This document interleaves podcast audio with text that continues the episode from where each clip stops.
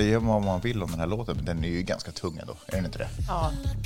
Hör du, jag, eh, jag tror att jag har dechiffrerat den här låten. Okej, berätta.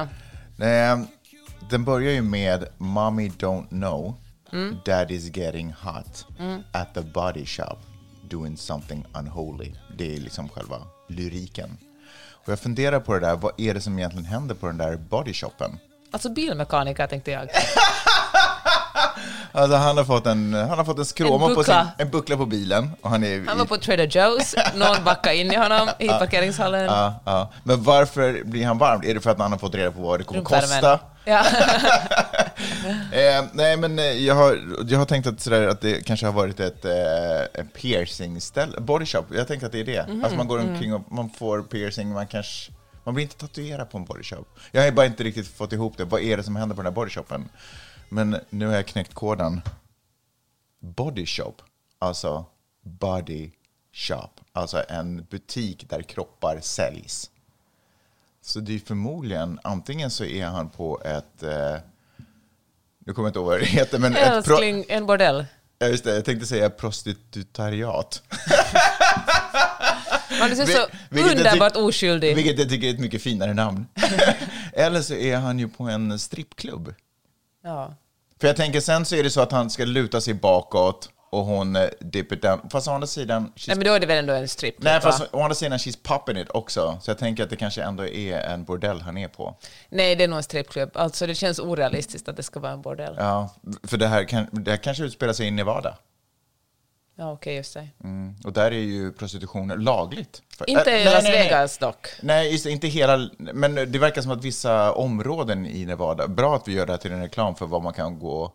Usch, vi fördömer verkligen vi att fördömer- köpa andra människors kroppar. Verkligen.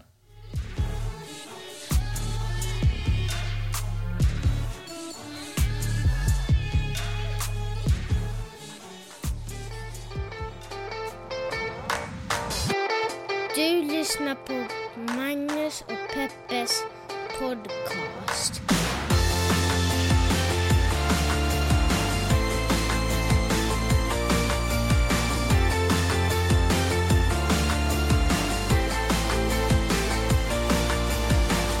Japp! Vi fördömer inte att ni lyssnar på den här podcasten, för den här podcast som heter Magnus och Peppes podcast. Och det här är en liten podcast där vi pratar om stora och små händelser i världen. Och så gör vi det ur ett journalistiskt, feministiskt och eh, mediegranskande perspektiv.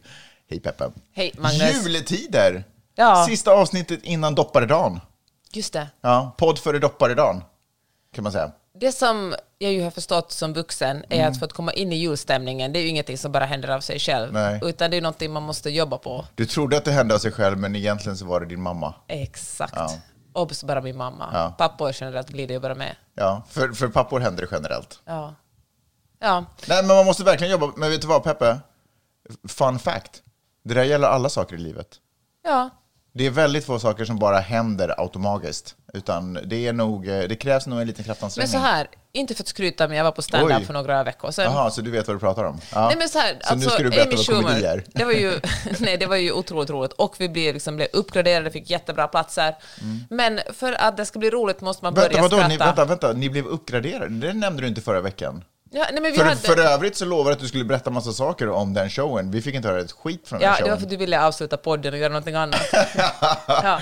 Men vänta, vadå? Ni blev, gick ni fram till kassan och så var det någon som Nej. frågade så här, ursäkta, finns det möjlighet till en uppgradering? Nej. Och de bara, jag vet inte. Ja, jag ser ju här, du är guldmedlem, så kanske vi kan göra någonting. Nej, låt mig bygga upp det här scenariot. Det var alltså på en gammal eh, teater i downtown LA, som är det närmaste man kommer New York. Alltså om man föreställer sig New York så är downtown LA lite så här höga skyskrapor och man kan promenera där. Det är ju inte resten av LA upplagt på så vis.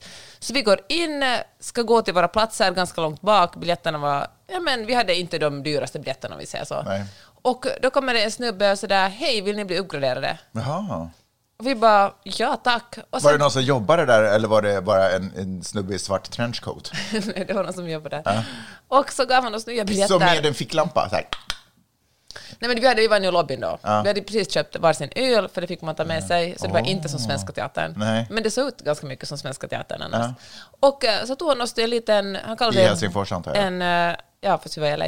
Och, eh, och så tog han oss till en liten box som han kallade det, som i praktiken var en balkong där på sidan. It's a dick in the box. Nej, det var fyra mogna kvinnor i en box.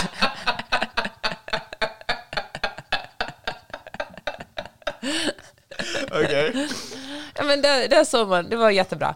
Men grejen är den att man måste börja skratta, för man bara sitter och lutar sig tillbaka och väntar att, eh, att stand-up-komikern Men ska... vänta, fick ni stränga order om det här? Nej, nej, nej. nej. Det, var, det här min egen order till mig Aha, själv. ja. För man börjar skratta, så då sätter kroppen igång liksom och tycker att det är kul att skratta, och då skrattar man supermycket.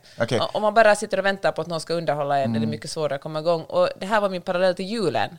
Alltså man måste dyka ner i den på allvar. Jul, Mm. Verkligen. För den kommer inte att jaga en. Nej, den kommer verkligen inte jag. Julen skiter i om du är inne Exakt. eller out.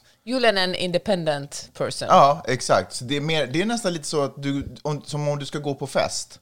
Man kan liksom inte riktigt gå på en fest och förvänta sig att festen ska underhålla dig, utan festen är scenen och sen är det vad du fyller den med. precis. Men till, ändå tillbaka till Amy Schumer, därför att det här var ju också en inspelning för en, en special. Hon gör säkert flera, och så tar hon det bästa från de olika.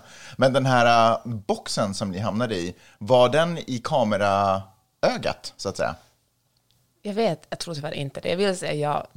För jag tänkte, för, för det hänger ihop med att jag tänkte att han kanske hade till och med gett er instruktioner om att jag vill att ni verkligen har, har kul här. Om ni ska få sitta här, Ja, då måste ni också nej. show it. För Nej. att det här spelas in. Vi kan, hade- tre, vi kan ta fyra medelålders sura tanter, Ursäkta? kvinnor, som Excuse sitter.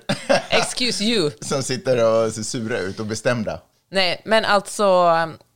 Nej, vi fick inga sådana instruktioner och Nej. ärligt talat fick nog ingen annan det heller, för ibland var Amy Schumer sådär ursäkta, ska du gå och kissa mitt i showen? Vi spelar in det här, när en dam steg upp, eller en ung kvinna steg upp och gick för att kissa.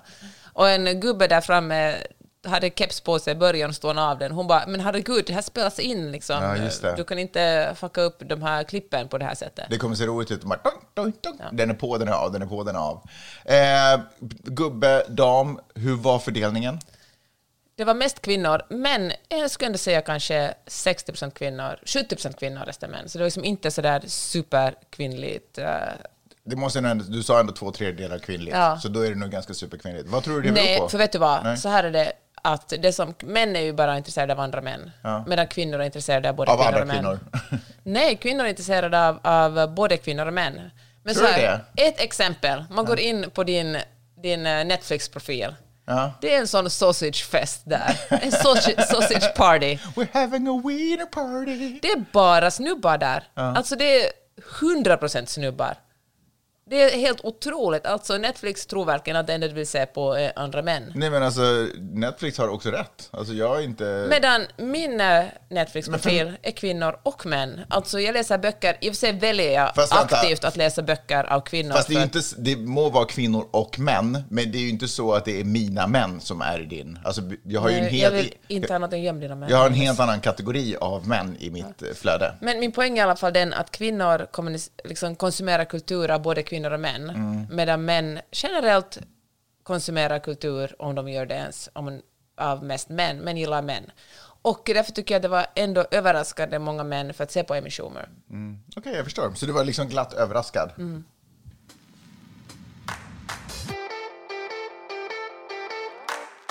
Hör du, eh, nu blev det ju som att det var vad som har hänt i veckan, men det hade ju egentligen hänt förra veckan. Mm. Eh, Så nu vill jag ju veta, vad, hur har du haft det? Så att börja med... känner du julstress? Har du känt av julstress? Alltså, var är du där? Nej, jag har verkligen ingen julstress. Jag tänker att det får du köpa om. Okej. Du är ändå mest julansvarig. men i jag gillar julmyset. Ja. Men, nej, men däremot så... Jag har möblerat om hemmet två gånger Ja, jag har faktiskt gjort. för att liksom försöka skapa det ultimata. Ja, Jag älskar också att du också vill göra content av allting, så du möblerar om och när jag kommer in filmar du mig. Ja, det gäller, du måste alltid gå omkring och vara sminkad Ja. och, och beredd nu. Ja. Push-up-bh och Herregud. allting. Jag tror jag äger inte ens en push-up bh. Nej. För det finns ingenting att pusha upp om vi säger så. Hur som helst, nej men eh, alltså om vi får komma med dagens andra skryt så rekommendera Smålandsposten, min roman En gång om året, Wow. som en bok att ha under julgranen. Men det kan vi ju egentligen bara göra att vi uh, we second that. Ja. Vi hakar på den rekommendationen. Eh, är det så att du inte riktigt har kommit på exakt vad du ska köpa till exakt alla medlemmar av familjen, här får du ett underbart jultips. En gång om året av Peppe Öhman. köp, eh, men köp en bok. Det betyder mycket för både mottagaren och eh, givaren och författaren. En fantastisk historia om hur en kvinna försöker hitta ett alternativ, en alternativ väg till lycka. Kanske lite gå utanför den berömda boxen. Ja. Eh, Och skaffa sig en älskare, fast hon är gift. Poten, liksom, inom situationstecken lyckligt gift. Mm. Skaffar hon sig en älskare en gång om året. Hens titeln. Där. Ja, den är faktiskt... eh, Den är otroligt bra. Ja. Kan jag säga så här? Min pappa tycker att den är bra. Ja, det är ju ändå... Det stort. Och han är man. Jag kan också flagga för att det finns lite sexscener i den här. För det är, Herregud, nu tänker jag på att din pappa har läst sexscener som jag skrivit. det är ju onödigt att eh, skriva om att man har en affär en gång om året om man inte sen beskriver den affären. Ah, ja, det har hänt. Sen har jag också... Är det, här, är det här, förlåt, men är det här 2022s svar på Grottbjörnens folk? Nej, tyvärr inte. Nej, alltså vill man ha en onanibok så är det nog att gå tillbaka till Grottbjörnens folk. Om det, om det är någonting du inte bjuder på så är det onani. Nej, tyvärr inte.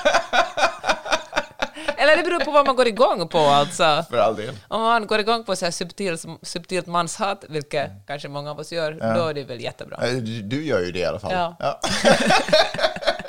Okej, vad mer har hänt veckan? Vi måste komma vidare. Nej, nej, men annars så har jag ju bara surfat och ridit. Ja, hur går det med din surfning då? Får jag bara säga att jag var en beast häromdagen. Oj, hur, Nej, men- hur är man då? Men det sjuka var att igår kväll kollade vi på... Vad så här- pratar vi om nu? Surfingen. Ah, okej. Då tittade vi på en, på en eh, tv-serie som handlar om proffssurfare. Ja. Och då slog det mig att när Jag man är ser... ju en av dem. Nej. Ja, nej men alltså när man själv står på en våg som är verkligen inte speciellt stor, då känns det ändå på exakt samma sätt som man tror att det känns för de där proffssurfarna på deras gigantiska vågor. Ja. Det slår mig. Och sen tror man ju att det ser ungefär likadant ut, men jag tror inte det gör det. Nej, jag vill ju hemskt gärna bli filmad när jag är där ute för att jag ska kunna se och för att kunna sprida ordet vidare. Men varenda gång jag ser mig själv där ute så är det inte, det är inte som i mitt huvud. Så jag tänker att än så länge, i något år till, så kommer jag hålla min, min egen huvudbild. eh, och så kommer jag leva på den och så kommer jag njuta av åket. Okej, det var allt. Ja. Då kör vi.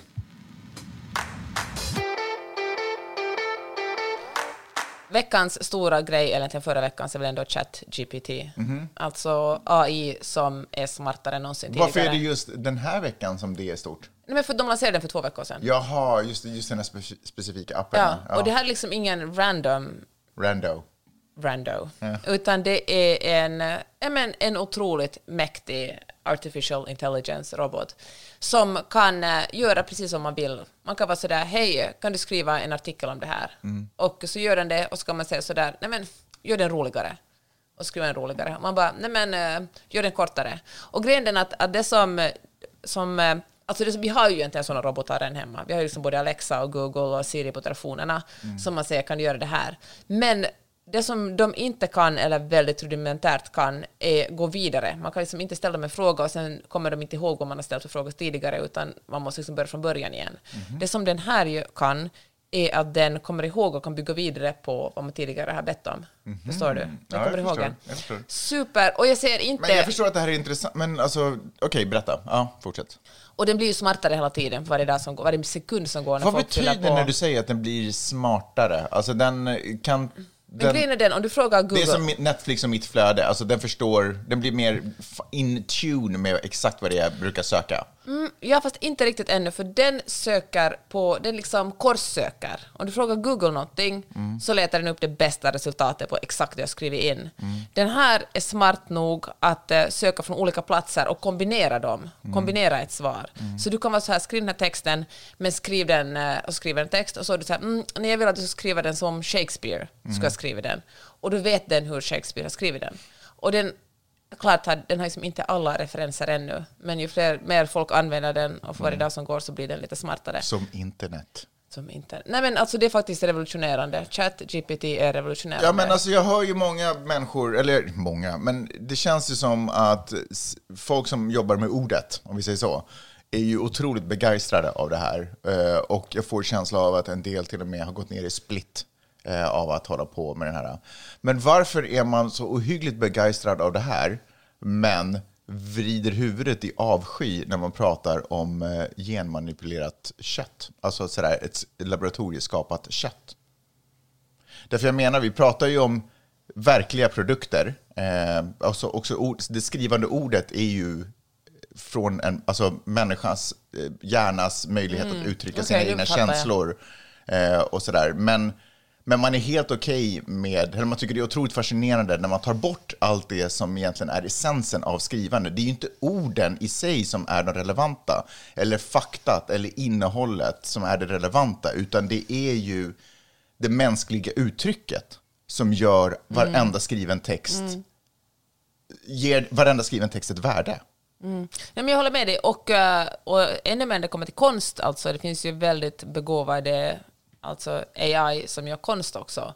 Och det är ju en superintressant fråga. Precis som alltså, om du tänker att när man skriver romaner eller krönikor, vill inte man att en människa, man vill ha liksom avsändaren lika mycket som man vill Nej, ha själva texten. Förlåt att jag stoppar dig där, men man kan inte prata om att det finns begåvad AI som skapar konst.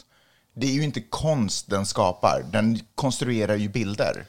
Men konst är ju igen ett personligt uttryck av en människa. Ja, exakt det här tror jag vi kommer att tala jättemycket Eller av en om tänkande varelse, rättare sagt. 2023. Jag kan Alltså- till och med köpa att en gorilla skapar konst, för att det är ändå ett uttryck av dess kognitiva kapacitet. Men AI skapar ju bara en bild. Det finns ju inget konstnärligt värde i det. Ja, då kan man igen prata hur mycket, vad handlar, alltså hur viktig är avsändaren, alltså, alltså person och verk. Mm. Men berätta mer om eh, den Okej. här eh, skrivande. Ja, men den här kommer till att börja med användas jättemycket för copy, speciellt om man är copywriter eller säljer liksom, eh, säljtexter som yrke, då kanske man ska vara lite nervös. Sen tror jag att skriver man krönikor eller till och med artiklar ska man inte vara så nervös. Jag tror att folk åtminstone i början kommer att känna sig väldigt liksom, eh, inte, alltså jag tror man känner sig lurad om man läser en text som man tror att är skriven av en människa, men Jag skriven av en robot. Jag tror att det är därför man, förlåt att jag, men det här är också fascinerande för mig. Jag tror att det är därför man ska vara nervös. Man ska inte vara nervös att eh, en robot har konstruerat en text, whatever. Det skapar ju tvärtom en, för det företag som använder det i sin, i sin copy, så skapar det ju tvärtom en dissonans mellan mig som kund och det företaget, när det företaget inte ens kan kommunicera med mig människa till människa, utan den väljer att en robot ska göra det istället. Men nervös ska jag vara om de inte är ärliga i den kommunikationen så att jag blir lurad av en robot, så att jag tror att det här är på riktigt vad företaget står för, men egentligen så är det inte det. Då, där ska jag vara nervös tycker jag. Det tycker jag också. Sen tror jag att väldigt många kommer att använda det här som en grund. Man ber att, eh, att eh, ChatGPT skriver en, ett utkast och sen gör man resten själv.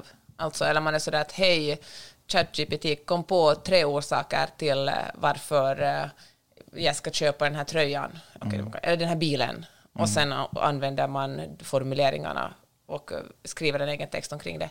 Strunt samma. Det som däremot kommer att vara ett riktigt stort problem, som ingen riktigt har löst ännu, är missinformation. För det kommer att spridas otroligt mycket missinformation och disinformation genom ChatGPT. Varför då? För att det går. För att Ja, människan är som människan är. Och, eh, Men hur menar du? Alltså, Ja, men det kommer att finnas artiklar som låter exakt som artiklar skrivna i tidningen och ska liksom, som, man, som kommer att spridas. Det kommer att vara forskare som citeras fel. Och det finns liksom, det kommer, jag hoppas att, jag har tänkt mycket på att någon måste hitta ett sätt att faktagranska det här, för det här är verkligen ett sätt att, att lura folk. Alltså folk går ju på det redan nu på en massa missinformation. Jag tror inte att någon av oss ska känna oss trygg med att vi är helt immuna mot det, utan man måste helt enkelt hålla lite ögonen både på sig själv och det man läser. Men det här är verkligen ett sätt att göra missinformation så otroligt proffsigt så det blir liksom jättesvårt att, att förstå vad som är sant och inte sant, eller vad som är fakta och vad som inte är fakta.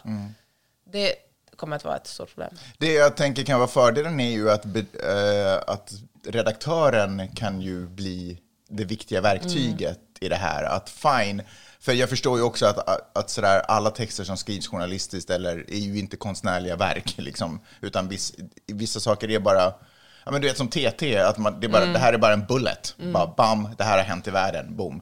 Eh, och, och det kan ju på sätt och vis vem som helst skapa därför att det inte är ett stort språkligt verk på något sätt. Och det, det är ju bara, handlar om att bara få ut information. Men där blir ju liksom ändå redaktören.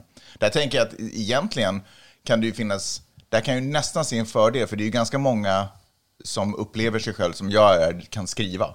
Men, och så kan man formulera massa ord, men det man inte har är ju redaktörens skills. Om man inte, man är inte kapabel att liksom hitta korrekt information eller att eh, granska den informationen, faktachecka den informationen, utan man kan bara trycka ut ord. Liksom. Och den tjänsten kan ju ganska snabbt bytas ut mot en AI. Så egentligen så känns det ju som att det här skulle kunna öppna upp för dels en mer förståelse för vad redaktörer gör och centrala figurer i redaktioner, vad de gör. och andra kan bytas ut. Om man inte blir bättre på sitt jobb, helt enkelt. Nej men verkligen. Ja, men eh, det är någonting som, det kommer att komma en ännu bättre version av Chat, ChatGPT nästa år. Jag tror vi är på, på version 3,5 nu och 4 kommer snart och den ska bli ännu snabbare och ännu bättre. Så det här är verkligen revolutionerande. Alltså, Men det här betyder ju att ganska snart så kommer vi se eh, filmmanus producerade av AI. Ja, men det finns, alltså det testar man ju, folk leker ju redan nu med det. Mm. Skriv en komedi med det här temat. Och de är kanske inte super, super bra ännu, men det är de kanske Men det nästa kommer vecka. de ju bli. Ja. Jag vet ju att eh, Bruce Willis, eh, den stackaren, han har ju blivit 3D... f- f- Jag vet inte hur jag ska säga det här, men liksom 3D-fotograferad, eller Mm. sådär. 3D-lagrad? Skannad. Skannad, 3D-skannad, tack. Eh, vilket betyder att han ju också skulle artificiellt kunna medverka i filmer, fast han själv inte är på plats. Han har också lånat ut sin röst, hans röst har spelats in eh, och alltihopa så man kan återskapa liksom, dialog och monolog med honom.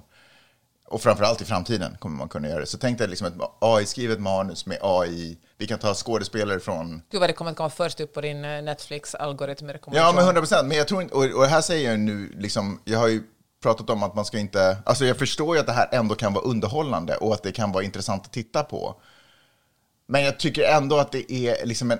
Jag, jag tycker att det vore rättvist, tänker jag, i framtiden, om vi ändå kan särskilja det som en egen kategori, precis som vi har science fiction, vi har thriller, vi har drama, vi har anime och whatever vi har, så har vi en AI-kategori. Förstår du vad jag menar? Att det inte liksom... Jag tror att problemet... Det här är mänskligt producerat Ja. och det här är AI-producerat. Jag tror att vi har ett problem om vi blandar in allting så att allting blir... eh, För då, då uppmuntrar man också att folk... Man uppmuntrar folk till att bli slappa i Men hjärnan. Finns det någon tydlig regel där då? Alltså, vad går gränsen? För jag tänker att vi använder mycket AI redan nu. På vilket sätt använder vi AI nu menar du? Nej men uh, spellcheck-program är liksom det här, det här är, som när jag skriver vissa artiklar så drar jag det igenom en eh, Jo, men det är ju hjälpmedel till Ja. mitt konstnärliga uttryck. Det är ju inte det konstnärliga uttrycket i sig. Mm. Kärnan står ju ändå jag för. Det är klart att vi använder CGI och James Cameron som kommer ut, heter han James Cameron? Eh, som kommer ut med Avatar 2, eller som kanske redan kommit ut nu. Alltså det är klart att den världen är ju helt animerad och skapad. Men den är ju ändå en del av det konstnärliga uttrycket, eller den är ju ändå sprungen ur det konstnärliga uttrycket som han och manusförfattaren sitter på. Och det är ju liksom det som ändå är känslan. Jag tycker att om man kan använda det som ett verktyg så fine, men det kan inte vara essensen i vad det är vi försöker göra. Det är inte konst. Det är absolut inte konst.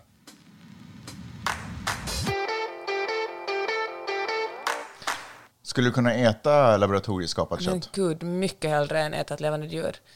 Men får jag bara säga en sak? Har du sagt det här, är en- det här är en podcast som handlar om... eh, Ja, det var så jag började den här podden. Är det sant? Det? Jag, jag hörde inte. Det kanske... Eller var det kanske... Ja, okej.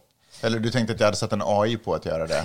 jag tänkte göra en vits kring det, det blev inte alls roligt, så jag backade. Ah, okej. Hur som helst, eh, det som jag skulle tala om är en, eh, ett fruktansvärt uh, kvinnomord i Helsingfors. Åh gud, ska du verkligen prata om det? Nej, men jag vill tala om hur det rapporterades om det. Uff. Ja, okej, okej, Ja, okej. för att eh, det var en, alltså en man hade ihjäl en kvinna, i, eller sin fru, i Ulrikasborg som en av de lyxigare delarna av Helsingfors, eller de rikare delarna liksom, av riktigt vid havet och fint. Och, och eh, han hade... Alltså, en av de alltså den absolut rikaste delen kan man väl ändå, utan att ljuga, säga. Ja. Och eh, då, eh, ja men en- och så kom det ganska, blev det ganska snart klart att det här var en man som hade gått i samma skola som jag, några år över mig. Då, Finlandssvensk man och då smsade min kompis Niklas som och frågade, känner alla män i din skola. Ja, och, eller min gamla gymnasieskola och så berättade han vem det var och så liksom gav mig lite bakgrund. Och eh, det är ju, men, det är inte ovanligt att män har ihjäl kvinnor, det händer ju tyvärr hela tiden. Men eh, det som var intressant var hur Hufvudstadsbladet rapporterade om det här eftersom det var en finlandssvensk man i Hufvudstadsbladets lite hoods.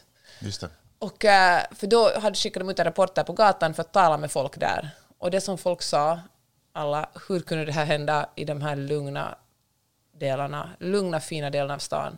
Jag är så chockad över att det här hände här. Underförstått. Kan du inte läsa upp Och lite? inte i östra Helsingfors. Ja, just det. Invandrartäta områden. Ja, men ingen sa invandrartäta, men Nej, det var men ändå... alla fattar. Ja. Och eh, jag fattar verkligen, det är närhetsprincipen. Det är klart folk reagerar så här. Alltså det, så funkar mänsklig psykologi, att någonting hemskt händer nära mig är jag mycket mer upprörd än någonting hemskt händer i Jag hade nog varit ganska chockad om, eh, om någon hade mördats i det här huset också. Ja. Men hade du sagt så här, hur kan någon, någonting sånt här hända i en sån här dyr del av Los Angeles? Kanske inte dyr... Nej, jag hade, så hade jag nog kanske inte tänkt, för jag tänker då att allting kan hända var som helst i Los Angeles. Men jag hade ju ändå blivit chockad, för på något sätt så har jag ju valt det här området, jag litar på området. Förstår du vad jag menar? Att jag, jag har inte... Vi är ju inte bosatta i, en- i några av de mest kriminella kri- kriminellt belastade områdena i Los Angeles kan man ju lugnt säga att vi inte är. Nej. Så därför så litar jag ju, jag har ju en bild av vad det här området, vad jag kan förvänta mig av det. Och det skulle ju Ja, vara en chock mot det så, systemet. så kände ju uppenbarligen de som HBL intervjuade också. Mm. Men det blev bara så... Jag vet, jag hade kanske så här, och nu kommer liksom bara mediakritik. Det här är liksom, verkar inte kritik mot hur folk på gatan som blir intervjuade reagerar, för jag tycker att det är helt naturligt. Men det är så här, alltså män har ihjäl kvinnor överallt. Det har liksom inte med invandring att göra, det har inte med social status att göra, det har inte med hur mycket pengar man har på banken eller vilka, om man, vilken sorts familj man lever i. Män har ihjäl kvinnor. Och då hade jag verkligen hoppats att eh, det skulle finnas en artikel om det här, där man visar att, att även om Istället för att bara bekräfta hur kunde det här hända så här fina, underförstått också en finlandssvensk man. Tänk liksom en man som jobbar som, han var läkare, han var psykiater, jobbar med finlandssvenska klienter. Är det, liksom. på, är det officiellt att det är en finlandssvensk man? Ja, nej men mm, alltså så här, han har gått i en finlandssvensk skola, han jobbar på svenska. Och han bor i ett, ett rikt område i Ja. Helsingfors. Så ingen har ja. Och Okej. eh, han är nu häktad. Och, eh, men jag menar alltså, det, och det är, så allt, det är inget faktafel i det här och folk har rätt att kommentera som de vill, men jag hade bara önskat en eh, artikel om hur, men skriv lite om våld mot kvinnor. Inte bara en chockerande att en sån här person som ändå har liksom hög status både i yrke och bor på ett fint område, att tänka att vi är så chockade över att just det här har hänt. För det händer verkligen hela tiden, överallt. För ett år sedan hade han kört ner hela bilen full med, med barn och fru och hund ner, ner i vattnet från kajen vid, vid saluhallen. Så han har verkligen jobbat på det här länge. Ja, men jag menar också det här, det är Mm. liksom ingen... Alltså jag tänker, det, det, jag tror inte det här var en jättestor överraskning. Nej. Alltså, det är klart var det över, herregud, det är klart det var en chock och en överraskning. Men jag tänker att det var kanske inte det första tecknet, utan jag tror att de som har stått honom, alltså Ja, nära, alltså man, ja, de här männen finns överallt, eh, eller så här, det här är mitt budskap, tror jag. Att om det är någonting som känns fel, om man upplever att någon inte är stabil, då ska man hellre vara lite för orolig och vara hellre lite för jobbig mot sin väninna och vara sådär, ha ett ordentligt snack. För jag tänker att om man lever med någon annan skyddar man den människan. Alltså det finns, jag tror också, alltså man vill inte att den man älskar ska potentiellt ha ihjäl en, så man är otroligt lojal väldigt länge. Och är man kompis till den här personen då måste man vara en väldigt jobbig person och inte tänka sådär det som sker bakom slutna dörrar får ske där. Och jag vill verkligen inte lägga skuld på någon här, absolut. Det är bara mannen som har ihjäl kvinnans fel, det är ingen annans fel. Men om man själv, för det finns, alltså om man själv misstänker att någonting är på tok, då ska man hellre ha den diskussionen än inte ha den. Och jag önskar att, eh, ja, om, om vi tar tillbaka till liksom, mediekritik så önskar jag att, att HBL skulle skriva mer om mäns våld mot kvinnor och att det verkligen kan ske var som helst, när som helst. Just det. Ja, jag tycker ändå att, alltså jag har ett minne av att de inte brukar skygga för att nämna om det har varit någon med invandrarbakgrund eller liknande som har begått något brott, att man inte brukar skygga för att nämna den detaljen eh, om ett brott har begåtts. Så jag tycker ändå att det är anmärkningsvärt att man inte är tydlig med bakgrunden till den här personen och istället lämnar upp det för spekulation bland sina läsare. Nej, men det här, alltså, de var ju väldigt tydliga på att han har, alltså, jag tror nog att det var ganska tydligt att han var Men var det inte så att alltså, om man tittar bland kommentarerna, om man tittar på kommentarerna på Facebook, Ja. det gjorde jag misstaget där. Ja, men då, alltså, om man vill hata det alla som- mänskligheten, då är det inte alla som har snappat upp. kan läsa, eller nej, nej, för då vill ju folk att det ska vara, på Facebook vill ju människor att det ska vara en invandrare, så man kan hata invandrare ännu mer. Ja. Mm. Och Man få en liksom förklaring på till det sin här, ja. rasism, liksom. Ja, ja. Ja. Ja, fy fan. Alltså, ja. Jag vill verkligen inte rekommendera någon att läsa någonting på Facebook, Generellt. generellt. Ja.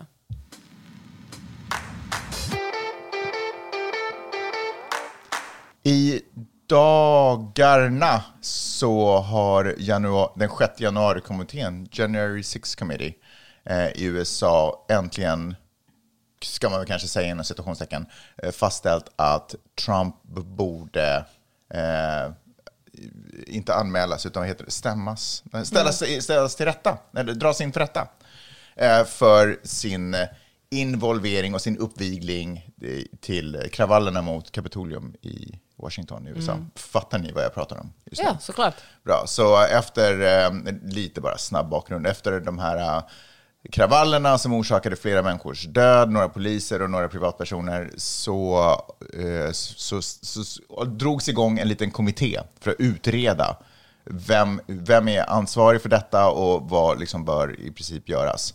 Eh, den här kommittén består av republikaner och demokrater. Eh, Det ska väl sägas att den, åtminstone den republikan som står ut i den här mängden är ju Dick Cheneys eh, dotter Liz Cheney. Heter hon Liz Cheney? Ja. Och hon har ju varit väldigt öppen, öppet kritisk mot Trump. Med all rätt, får jag väl kanske själv personligt bara lägga in. Men det har hon ändå varit. Så det är inte en chock kanske att kommittén kommer fram till just detta. Fast man hoppas ju ändå att hon ska vara objektiv.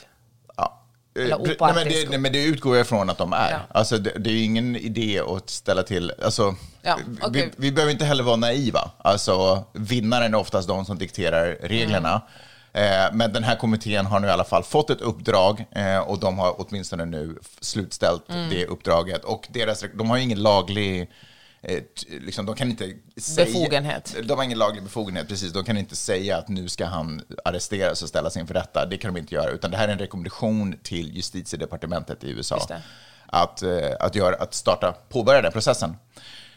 Men hur kommer det här påverka Trumps möjligheter att bli president? Eller att ens bli presidentkandidat för Republikanerna? Go, Peppe. Jaha, nej, nej, nej, alltså... alltså, Trump, Republikanerna har lämnat Trump bakom sig för länge sedan. Det kändes som att jag tryckte på en knapp på en AI-textgrej. Nej, de är verkligen, de har satt in sikte på Ron DeSantis. Alltså, Trump har ingen chans. Han uppfattas som en loser. Alltså, republika- republikanerna ställde sig bakom Donald Trump när de insåg att han har en chans att vinna. Sen visade det sig att han var en sån bully, så det var väldigt många individer som inte vågade kritisera honom, för det var så jobbigt, för att han, han liksom, man fick smaka på det genast. Alltså som Liz Cheney till exempel, som kritiserade honom, hon fick ju otroligt mycket hat och eh, blev avsatt, som fick sina poster inom partiet och blev avsatt. Och, liksom. Så Och sen att- förlorade hon också valet i sin egen stat efter Ja, det. men precis. Så att eh, många var rädda. Först stödde de Trump när de insåg att han hade chans att vinna. Sen, eh, eller när han vann egentligen. Ingen trodde väl egentligen att han hade en chans att vinna. Och sen, för de är opportunister, vilket väl jag antar att de flesta politiker är. Men nu när de märker att han uppfattas allt mer som en loser så har de gått vidare. Alltså, Trump kommer inte att ställa upp som Republikanernas presidentkandidat. Eller de kommer inte att nominera honom. De kommer att nominera Ron DeSantis. Vad, men, vad, precis, och det tror jag vi alla förstår. Men vad kommer det betyda? Alltså, Trump, för, för vem då? För Trump? Alltså, kommer han ändå ställa upp? För han kan ju inte förlora. Jag tror att han har ju sagt att han kommer att ställa upp. Alltså det är väl, Ja, ja. Han har ju gått ut med att han kommer han ställa kommer upp. att ställa upp som, som alltså independent, inte som republikan. Ja, du tror att han gör, går den vägen? Du han kommer att piska fram alltså sin eh, väljarbas Mm. som kommer att vända sig bort från Ron DeSantis. Så det kommer att vara ett jättestort problem för republikanerna. För att eh, Trump bryr sig ju inte om republikanska partiet. Han bryr sig ju bara om sig själv. Jag tänker, ja, säg. Nej, men jag tänker att han har ju gått ut och han började samla pengar för sin kampanj och jag sa det så här att, att om, man, om man får in donationer eller liksom något som kostar under 10 000 dollar Så det. Nej, då skiter IRS i det. Och nu har ju börjat sälja NFTs, alltså efter att kryptokraschen alltså krypto har kraschat, NFTs, ingen Alltså alla som har investerat i NFTs har ju förlorat alla sina pengar. Det, och då kan man ju skratta att hur dum i huvudet är han som liksom går ut och säljer liksom inte ens fysiska kort på sig själv utan säljer digitala posters på sig själv och utklädd till astronaut eller liksom Ja, Superman. superhjälte. Ja. Men det är ju bara ett sätt att tvätta pengar för honom och få, och få in. Han har ju sålt för 4,3 miljoner dollar de här NFT redan. Det är ju ganska otroligt. Ja, och jag tror inte att det kanske bara hans supportrar som har köpt dem, utan han har säkert köpt dem själv på något sätt för Mm. att kunna tvätta pengar. Alltså han, eh, han är ju bara intresserad av att bli älskad och att, eh, att alltså, eller älskad och beundrad och att eh, inte förlora sin status. Men det är ju för sent för honom.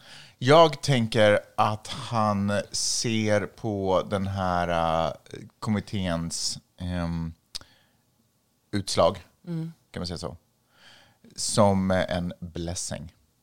Jag tror att han är väldigt glad att de kom fram. Jag tror inte att det var oväntat i och för sig. Men jag tror att han har räknat med att det ska hända och han är väldigt glad att det ska hända. För att om det är så att justitiedepartementet drar igång en process mot honom, då kommer han inte få ställa upp. Han kommer diskvalificeras i presidentvalet därför att han är kriminellt dömd, eller vad det nu Eller han är i en process åtminstone för, för jag kommer inte ihåg vad den officiella... Är det så? Men han har ju redan eh, sagt att han ställer upp.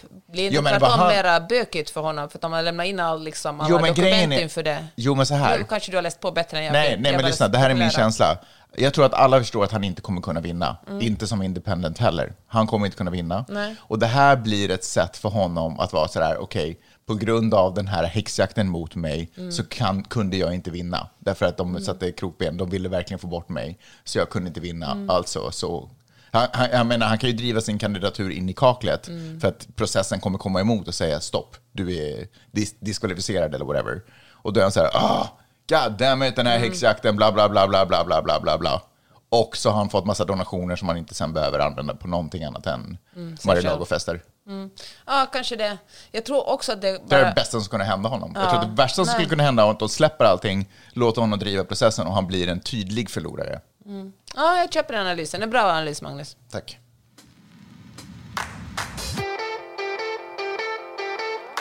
Jag är ju väldigt intresserad av internetkultur Ja, och eh, teknik. Och jag läste en så Och teknik slängde du in också.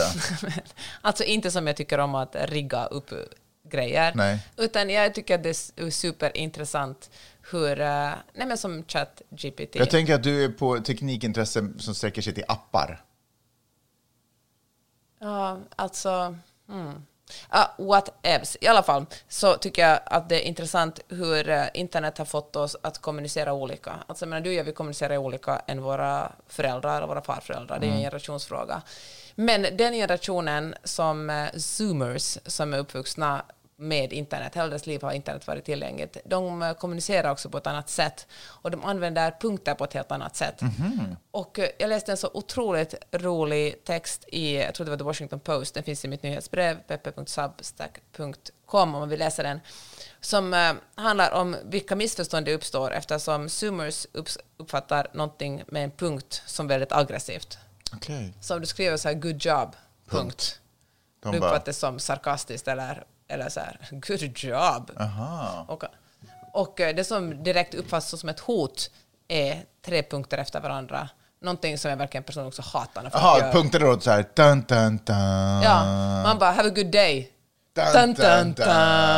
Okej.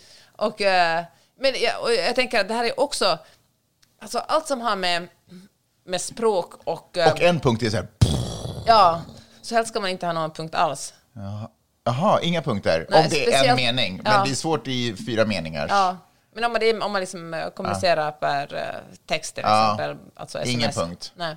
Men, och, men jag tycker också att det är, alltså man vill ju vara, alltså man vill ju bara förstå Mm. hur unga människor kommunicerar. Men samtidigt vill man inte heller vara sådär, uh, hello fellow kids. Nej. Alltså, Punkt. Precis. Ja. Eller punkt, punkt, punkt, som Ja. är ännu värre. så jag vet faktiskt inte, alltså jag känner mig verkligen, jag känner mig vilsen i min egen ålder. Okej. Inte, Kan du inte bara rida ut din egen ålder, liksom? Rida ut den. jag vet inte var den finns eftersom jag tycker att det är superintressant att jag skulle till exempel aldrig skriva punkt, punkt, punkt. Nej, jag gör det ganska ofta. Du gör det och det är ju otroligt irriterande, men jag vill ju heller inte vara den personen som poängterar det. Ja, därför att jag skriver, alltså i textmeddelande, inte essäer, så skriver jag eh, som jag tänker. Så när det är liksom konstpaus, Ja, då skriver jag punkt, punkt, punkt. jag förstår det, men det, men det förstår inte alla och mottagaren kan verkligen uppfatta det som extremt hotfullt. Typ jag är på väg hem till dig, punkt, punkt, punkt. Mm. Ja. kan ha två väldigt olika meningar. Men jag, jag håller med dig, och det är frustrerande. Jag tycker att det är problematiskt i tiden vi lever i nu, därför att det känns så här, som vid förra sekelskiftet, observera förra sekelskiftet, alltså 18 till 1900-talet, då kändes det som att eh, barn och föräldrar, och till och med typ mor och farföräldrar, levde i samma tid. Alltså det var, det var samma regler som gällde eh, barnen som det var föräldrarna. Alla förstod liksom eh, omvärlden eh, så gott man kan. Idag så är inte bara det att vi liksom... Eh, det, I och med teknik... Vad flinar du åt? jag tänker att, att de mycket med.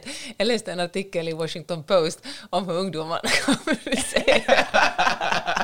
alltså, jag vill verkligen inte att någon ska tro att jag har gått undercovers som zoomer, för att det är uppenbarligen inte. Ja, men jag såg det en morgon, sätta på dig, dra upp strumporna till knäna och sätta keps bak och fram. Ja, exakt. Nej, men, alltså, men, men idag så är det ju, och det är mycket på grund av tekniken och att de växer upp i ett helt annat social, på en helt annan social plattform. Alltså min sociala plattform när jag växte upp var ju på gården med mm. andra barn. Så är det ju inte nu. Så det är klart att det blir ju en dissonans. Liksom. Vi, de lär sig kommunicera på ett helt annat sätt, eh, medan vi är way långsammare där. Eh, och det är svårt och typ också lite läskigt, därför att jag kan ju redan känna, precis som du sa, dissonanser med mina föräldrar, och då är vi ganska nära ändå. Mm. Alltså det de inte hade som jag växte upp med var typ kassettbandspelare, den nivån. Ja. Färg-tv, liksom ish, den viben. Eh, men här så är det ett språk också. Eh, och om vi inte kan kommunicera och prata med varandra och vi missförstår varandra i språk. Jag tänker att det är också därför de har så otroligt problem med ironi och sarkasm. Vilken generation? Våra föräldrar? Nej, våra, ba våra barn har mm. så. Därför att de, kan inte, de är inte vana att kommunicera via ansiktsuttryck och eh, via mm. kroppsspråk, mm. utan det är punkt, punkt, punkt eller punkt. Förstår vad jag menar? Och det är svårt att uttrycka sarkasm. Det är ju en av anledningarna till att jag ofta blir missförstådd. Det är för att jag kanske var sarkastisk i textmeddelande. Och det, det går ju bara inte fram. Liksom. De är ju anpassade för ett kort, en liksom, kort och intensiv och snabb kommunikation. Nej, men det är jag svårt. Tror, ja, jag tänker också så här att eh, emojis, vilken eh, hur uh, olika man kan tolka dem. Ja. Alltså... Men emojis har blivit ett stöd för kroppsspråk och ansiktsuttryck ja. och det är ju ridiculous. Vad är det liksom? Det är ju inte... Men är det ridiculous? Ja, men det, är ju som deras... AI, det, det, det, tar ju bort den, human, den, den mänskliga essensen och kärnan i eller så är det hieroglyfer, alltså ja. vi har, cirkeln är sluten liksom. Nej, cirkeln är inte sluten, vi har backat 2000 år. Nej, men alltså jag vet inte, att jag är också, det här är också något jag tänker mycket på, jag vill liksom inte vara så här äckligt ängslig att jag tycker allt är okej okay bara för att unga människor sysslar med det. Mm.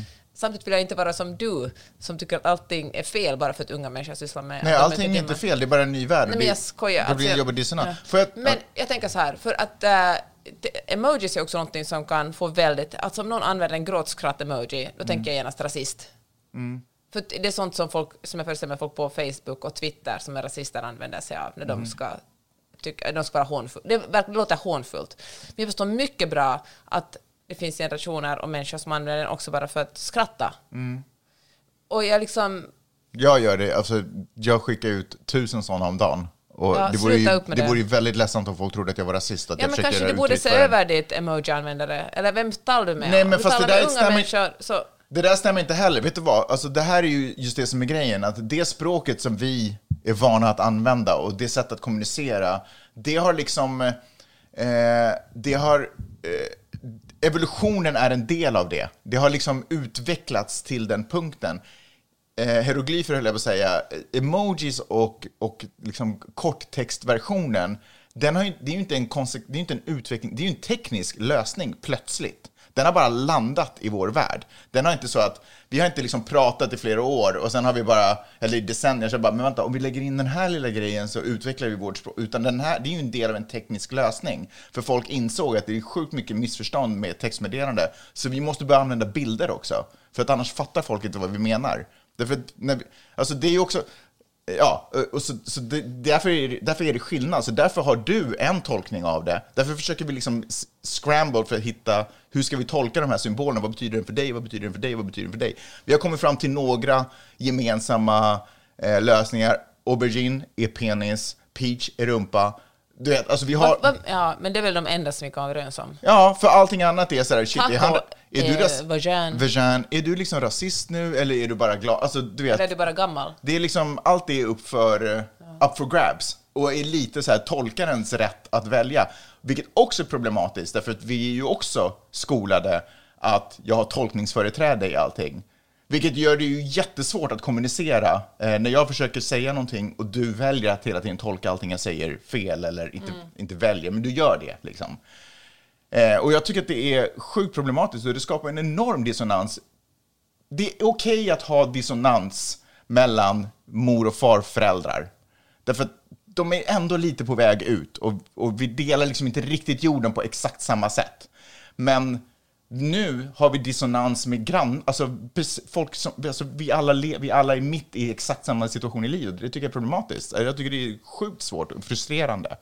Jag tycker att här, ett ganska roligt exempel på att folk inte fattar ironi och att ironi plötsligt alltid blir verkligt är ju eh, Framgångspodden. Fra Folk undrar så här, Åh, varför är Framgångspodden en så otroligt framgångsrik podd? Eh, Därför att folk inte fattar ironi.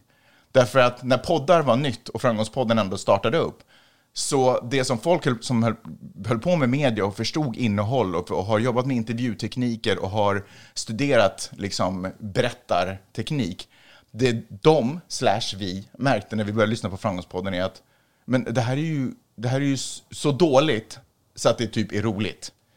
Så ironin börjar komma fram, eftersom vi är en ironisk generation, och börjar säga så här, åh vilken eh, typ fantastisk podd det här är och bla, bla. Men du förstår vad jag menar, man börjar, man börjar lyfta upp den som ett exempel på hur katastrofalt det är, men med vårt språk.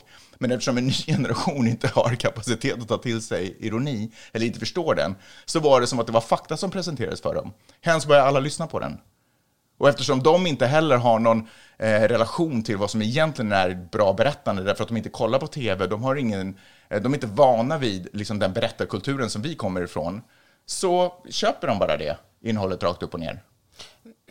Men alltså nu fördummar du ju väldigt mycket en yngre generation. Jag tror tvärtom Nej, att de har ett annat sätt inte- att berätta på. De har en annan sorts, eh, de har helt enkelt en annan form av, jag tror absolut de har, förstår ironi, men på ett annat sätt än det du kommunicerar fram.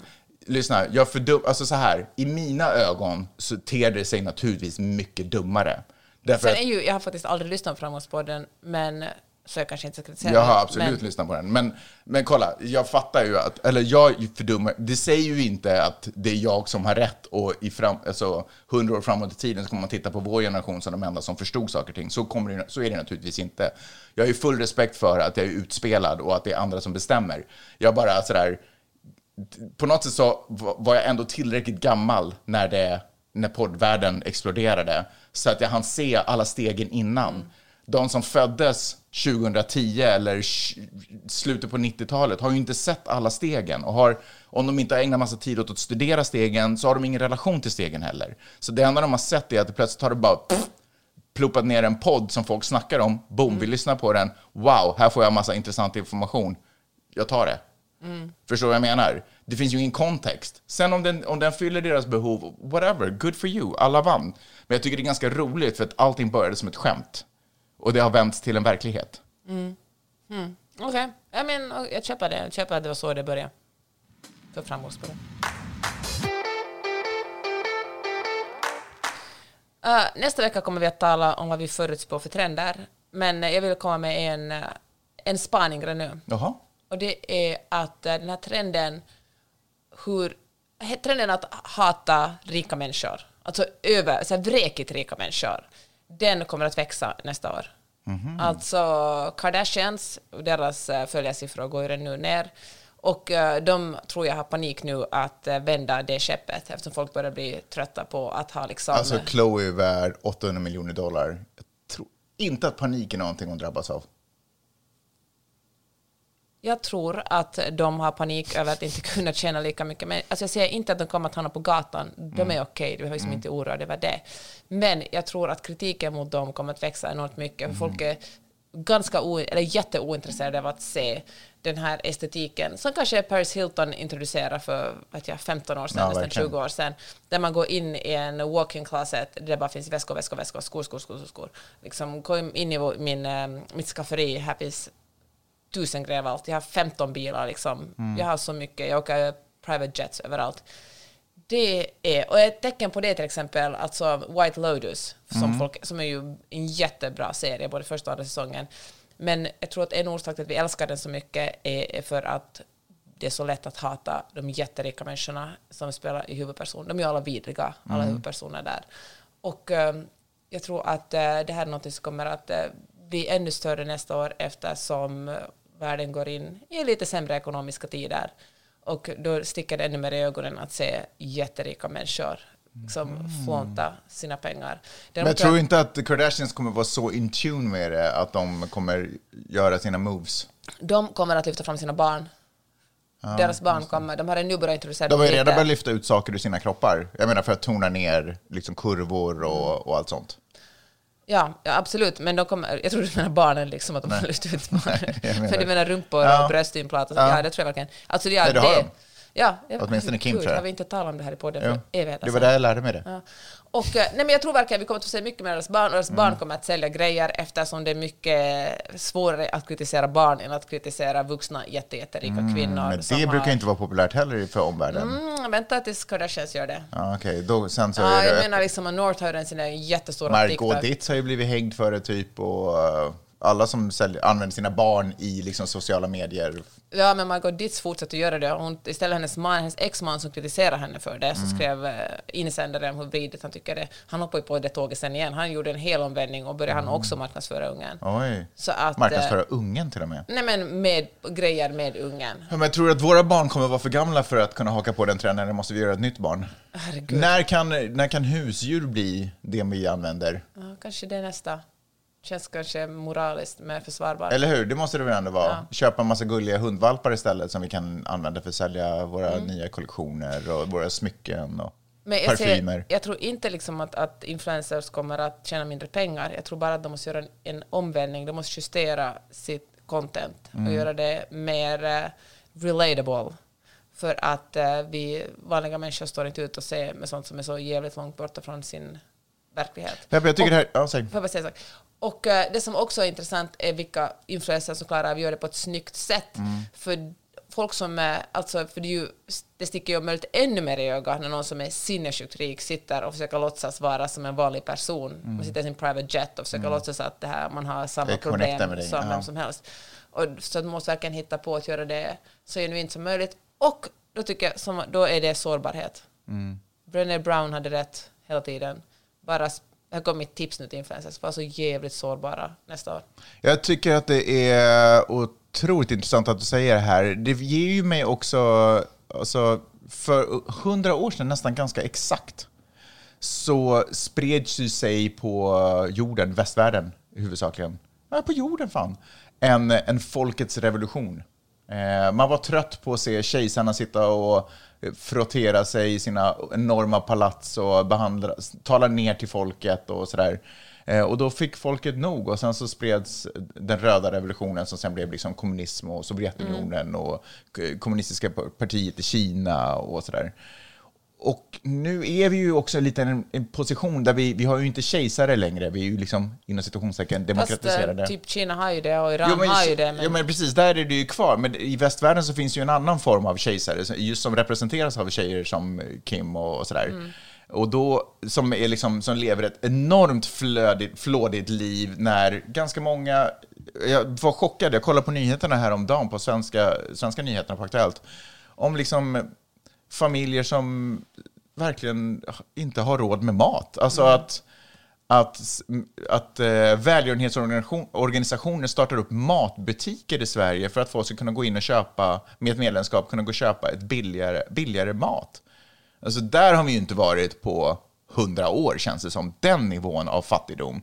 Att det har funnits folk som har varit fattiga, absolut, men inte så allmänt utbrett. Liksom. Ja, men i Finland nog efter krigstiden. Men Jo, precis, för ni var ju absolut in, verkligen, men jag bara menar att i Sverige har det inte Mm. hänt på länge. Och i USA så vet ju alla om att här är det ju otroligt segregerat och det har inte blivit liksom bättre med tiden. Tvärtom så är det fler och fler som hamnar i fattigdom och barn som äter mat i skolan för att inte de får mat hemma. Liksom. Mm. Jag bara säger, det är kontrast till det här enormt flöd, flådiga livet som folk lever och som influencers också typ lite promotar. Mm. Liksom.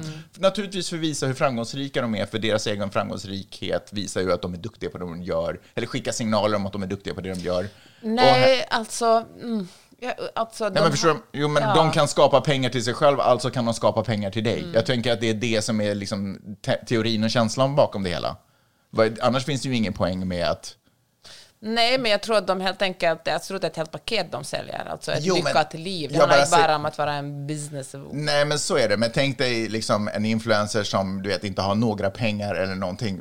Alltså, hur ska du sälja för företag då? Alltså, det, det, det skickar ju, det skickar ju ma- alltså, mixade signaler. Jag bara tänker, alltså förenklat. Jag är ingen te- marknadsföringsteoretiker, jag bara förenklat känner att det är så. Ehm, så kanske det kommer en, en folkets revolution mot överflödet. Hoppas och det. palatsen och allt sånt. Ja, men jag hoppas verkligen det. Jag hoppas bara inte den blir blodig som den förra var. Ja, som den är i Iran menar du? Som den är i Iran just nu, den är vi kanske lite baserad på andra regler, tänker Ja, jag. men det handlar ja, ja det absolut, absolut. Men eh, det tycker jag ändå är intressant att, eh, och vi får verkligen inte glömma det, liksom, nu har ju Iran börjat avrätta Mm. unga människor. Verkligen. De har hållit på länge, men nu liksom. Och, eh, men jag tänker också på Kina där folk eh, satte sig upp, där de nu har lättat på covid-restriktionerna på grund av alla protester runt om. Jag vet, men jag tänker att om vi, om vi hela tiden tittar på Kina, då blir det som att ja, men vi är i alla fall inte Kina. Men här händer också saker på hemmaplan som är värt att se över. Alltså, vi ska väl inte behöva bli Kina innan vi flippar. Och helt ärligt, har vi blivit Kina, då är det för sent att flippa. Ja. För då har ju staten kontroll över oss redan. Jag bara, vi, nu finns ju en chans att göra någonting åt det. Och en av de saker jag tänker man kan göra åt är att inte gå på det. För det är bara en... Det är bara vanliga människor som försöker tjäna sina egna pengar. Alltså det är ju inte en... Det är inte en supersvår lögn att se igenom. Det är bara en businessidé. Välj någon annan business. Okej, ja, jag är med dig. Var det allt vi hade att bjuda på? Jag tror faktiskt det. Okej. Tack för att ni har lyssnat på, eh, vad skulle du kalla det här podden? Jag skulle... Va? Nej men, uh, komma med en titel? antikapitalistpodden. Nej, jag vet inte. Man man gör så gott man kan med... eh, När man försöker ob- observera världen så gör man så gott man kan med att försöka förmedla egna tankar. Vi har inte förresten talat om Elon Musk alls. Han, men kan jag säga en sak? Han är ju inte längre världens rikaste man. Nej. Vem är världens rikaste man nu då? Jag vet, det var något som jag aldrig hört talas om. Ja, nej, men så är det. Men var inte, han, det, kom, det går bra för någon honom som, också. Det var någon som skrev roligt på Twitter att eh, kan inte göra så här att Twitter liksom, att det blir som en uh, stafettpinne till Mm. världens rikaste män. Så man får den, så får man ha den en stund, så förlorar man pengar så att man inte längre är världens rikaste man. Mm. Så är man till nästa världens rikaste man. Och sen misslyckas han också med det. Jag tänker att istället för att hålla på och stirra oss blinda på och bara haha, du är inte världens rikaste längre. Det är whatever, något där är fine. Vi kan istället fokusera på vem är världens fattigaste man eller kvinna eller något sånt. Då ska vi se vad vi kan göra för att lyfta upp den personen istället. För att hålla på och peka finger och skratta åt aprika människor som inte bryr sig om oss ändå. Vet du vad, jag tycker absolut vi ska kritisera dem till döds. Ja, men Alltså, kritisera är ju ut- inte samma sak som att så bara haha, du är inte världens rikaste längre. Men det har väl ingen sagt? Du sa det nyss. Nej, men jag sa bara att det verkar gå dåligt för honom. Och att han inte... Nej, men jag tycker absolut han förtjänar att bli kritiserad. Mhm. Alltså, jag, verkligen. Alltså folk som är giriga och roffar åt sig och bygger upp sina företag på, alltså han har ju byggt upp både SpaceX och Tesla genom att få jättemycket understöd av USA, alltså av staten, Mm. som indirekt skattebetalarna. Så jag tycker verkligen att man kan gotta sig åt att det går dåligt för honom. Ja. Okej, ehm, tack för att ni har lyssnat. gamla Elon Musk-lover. Nej, det stämmer Är inte. det igen för att han, det är bara för att han har en snopp? Nej, det är inte för att jag... sausage party det är inte som för vi att- börjar avsluta Det är inte för att jag älskar hans snopp. Det är inte därför jag säger allt det här. Nej, men alltså, whatever. Skitsamma. Jag bryr mig inte om honom. Eh, hörni, tack för att ni har lyssnat. Vi hörs nästa vecka. Det gör vi! Hej då!